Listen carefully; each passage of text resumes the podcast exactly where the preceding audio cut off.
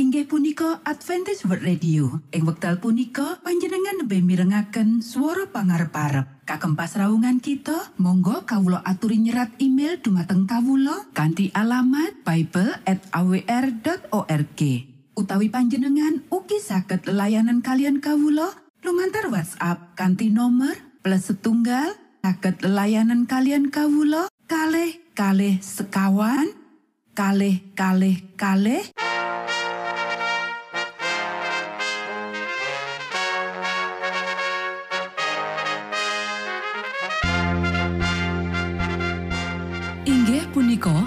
Adventist World Radio ingkang giaran kanti basa Jawi. Tentrem Rahayu kula aturaken kagem para mitra kinasih ing pundi papan lan panggonan. Sugeng pepanggian malih kalian Adventist World Radio. Kanti bingahing manah Kulo badi sesarengan kalian poro mitra kinasi. Lumantar saperangan adicara ingkang sampun rinonci. Mligi kagem panjenengan sami. Mugi giaran punika saged migunani tuen dados berkah kagem kita sedoyo. Sugeng midhangetaken Gusti amberkahi.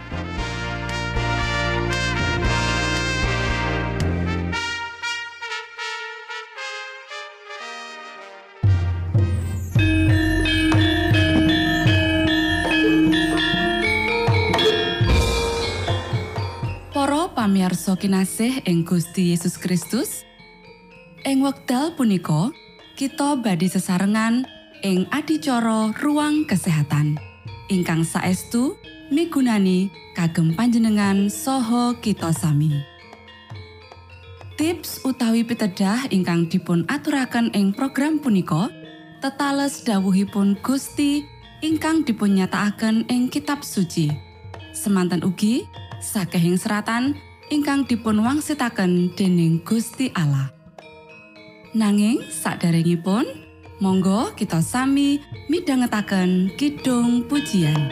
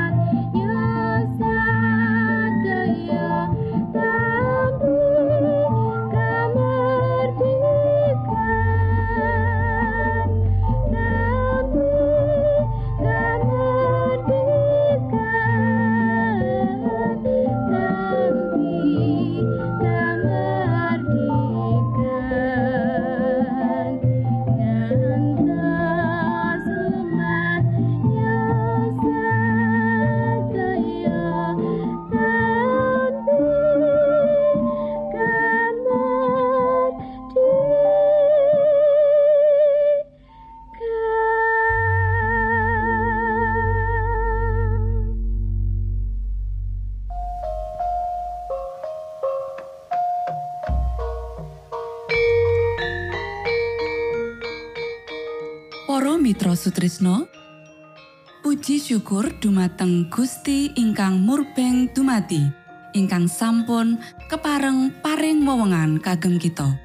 Satemah saged nglajengaken ruang kesehatan. Pirembakan kita semangke kanthi irah-irahan. Pengaruh pemanjaan fisik mental lan moral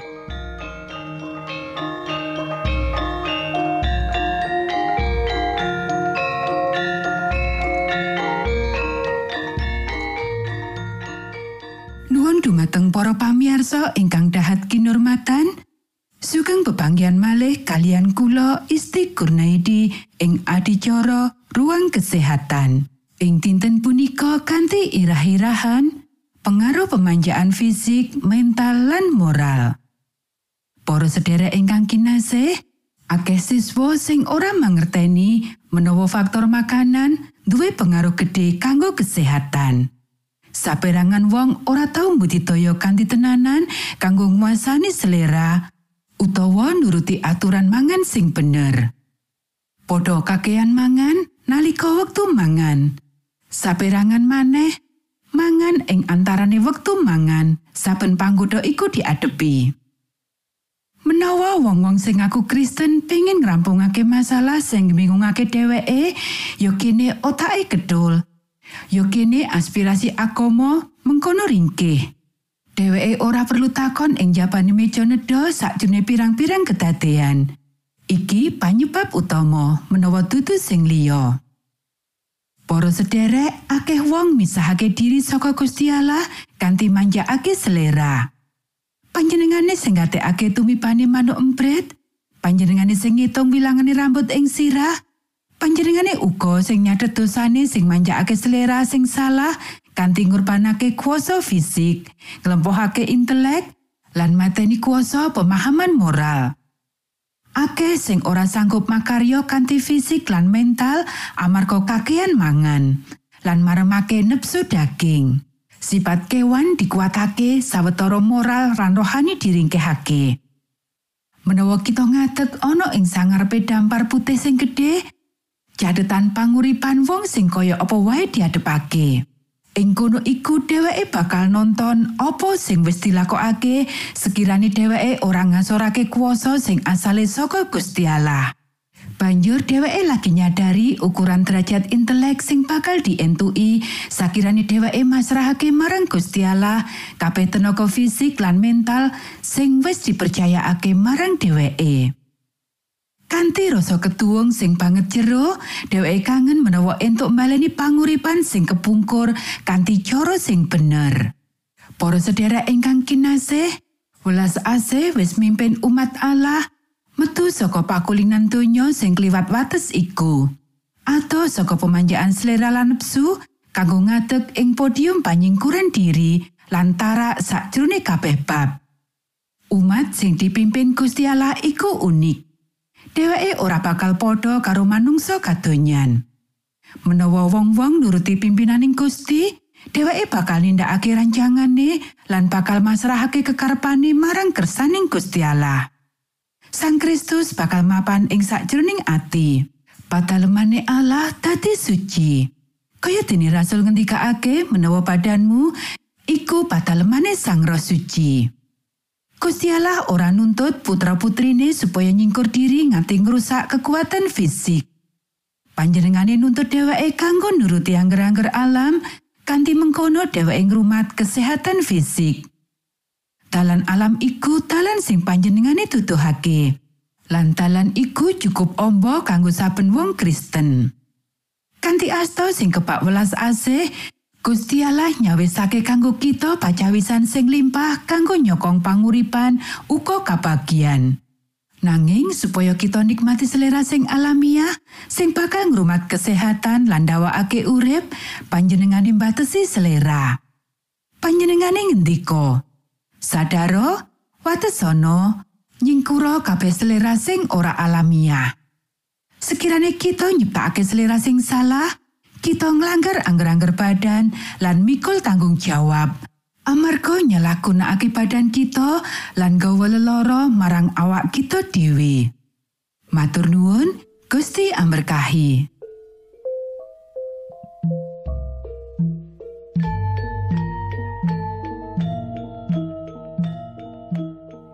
Cekap semanten pimbakan ruang kesehatan ing episode dinten punika. Ugi sampun kuatos jalaran kita badhe pinanggih malih ing episode sak lajengipun.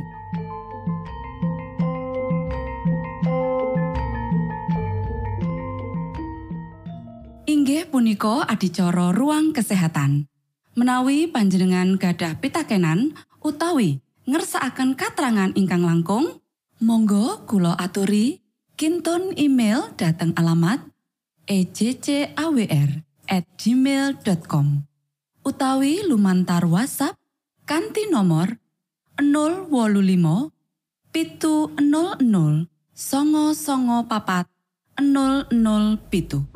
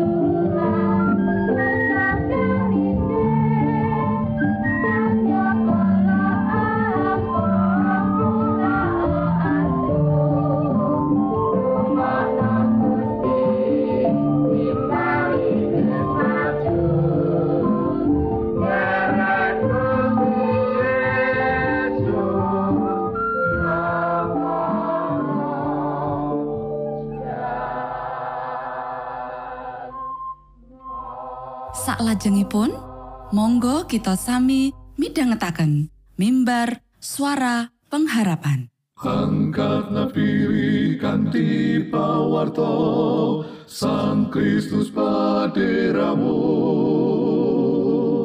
Pro umat samyo puji asmanyo Sang Kristus paderamu.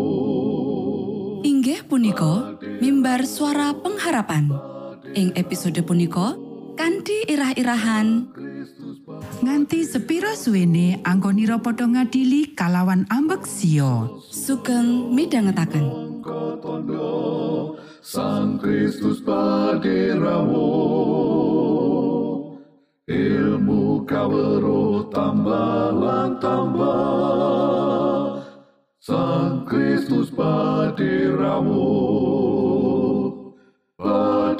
Paderamu Paderamu Sang Kristus paderamu Shalom para sedherek ingkang kinasih. Sak menika kita badhe mitangetaken renungan Sabtu pangantikanipun Gusti. Ing dinten punika kanthi irah-irahan nganti sepiro suwene anggonira padha ngadili kalawan ambek sio Para sedherek ingkang kinasih Gusti Allah wis maringi para pandegane Israel wewenang kanggo njejegake keadilan ing Israel. Kita bisa maca ing kitab Sabur pasal pitung loro ayat siji nganti pitu lan ayat rolas nganti 14. Para raja Israel kudu nglakokake otoritase laras karo karsaning Allah. Kawikaten kang utama para pandega kudu mesthekake bab katentreman lan keadilan ing negara iki lan ngopeni wong kang ora katunungan kapijan sosial. Mung cara mangkono, lemah lan sakabeh rakyat bakal nampa kamakmuran. Keprabon sang raja kasentosake dening kasetyane marang Gusti Allah, dudu dening kekuatan manungsa. Ayo diwaca kitab Sabur pasal wolung puluh loro. Gusti Allah ana ing parepatan ilahi. Mazmur angkitane Asaf. Gusti Allah jumeneng ana ing parepatan ilahi. Ana ing satengahing para Allah panjenengane nindakake pangadilan.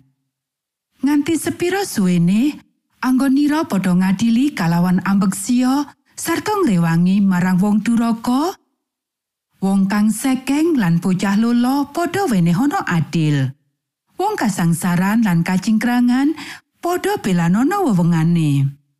Wong kang sekeng lan kang mlarat padha pitulungono luwarana saka ing tangane wong duraka. Iku wong kang padha ora sumurup lan ora ngerti apa-apa. Padha lumaku ana ing pepeteng. Saking tetalese bumi padha gonjang ganjing. Engsun wis ngandika mangkene. Sira kabeh iku Allah lan padha dadi putrane kang maha luhur. Nanging sira bakal padha mati kaya dene manungsa lan bakal tiwas kaya dene salah sawijining panggedhe Duh Allah patuko mugi karso jumeneng ngadili bumi. Amargi sakathahipun bangsa punika kagungan patuko. Para sedherek ingkang kinasih ing kitab Sabur pasal 82 Gusti Allah wis nyatakake pangadilane tumrap para hakim Israel kang laku korup. Sira kabeh iku Allah. Sabur pasal 82 ayat 1 lan 6 cetha dudu para dewa kafir utawa malaikat. Awit wong-wong iku ora nate kautus kanggo paring keadilan marang umate Allah, temah ora bisa diadili merga ora nindakake kuwi. Tuduhan-tuduhan sing ana ing sabur pasal 82 ayat loro nganti papat iku nyuarakake angger-anggering Toret sing nuduhake Allah kang dadi panggedene Israel.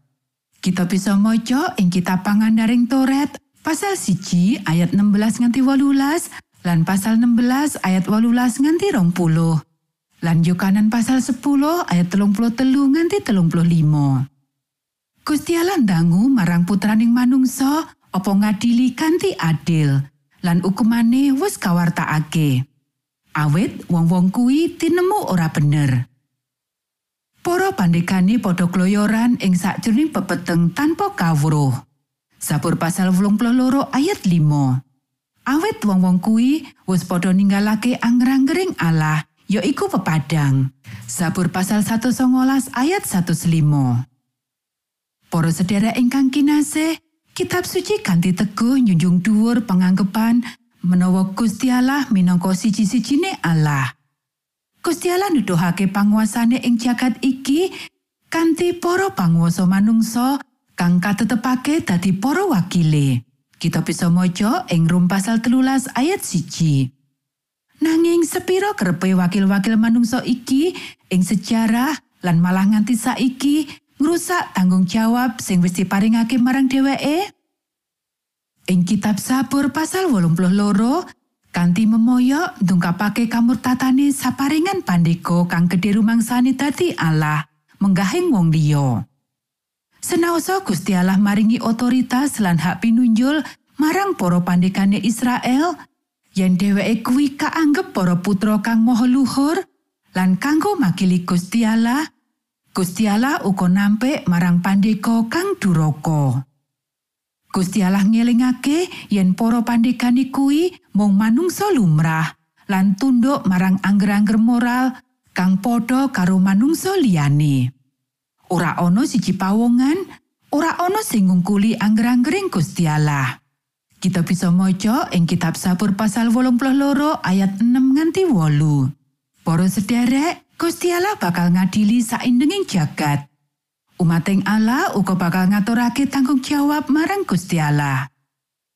Para panggedeni jagat utawa rakyat kudu nuladani hakim ilahi lan duweni pangarep-arep kang pungkasan marang Gusti Allah. Matur nuwun, Gusti amberkahi.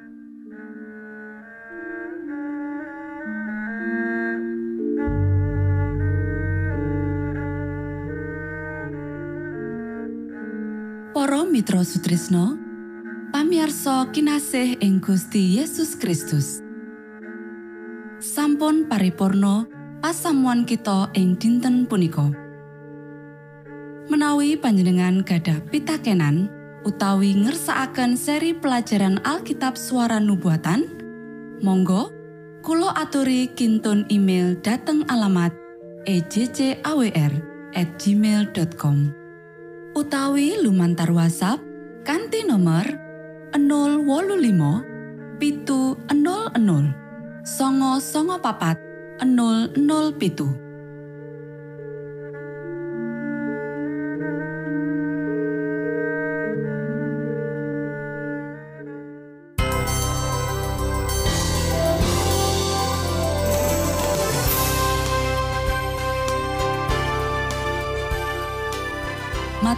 nuwun kagem wektalipun kita badhe pinanggih malih ing gelombang ugi wekdal ingkang sami.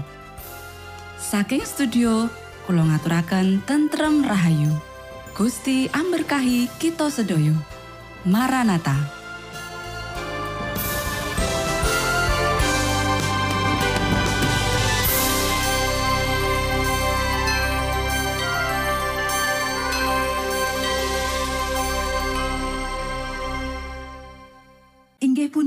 Adventist World Radio. Ing wekdal punika panjenengan lebih mirengaken swara pangarep-arep. Kagem pasraungan kita, monggo kawula aturi nyerat email dumateng kawula kanthi alamat bible@awr.org.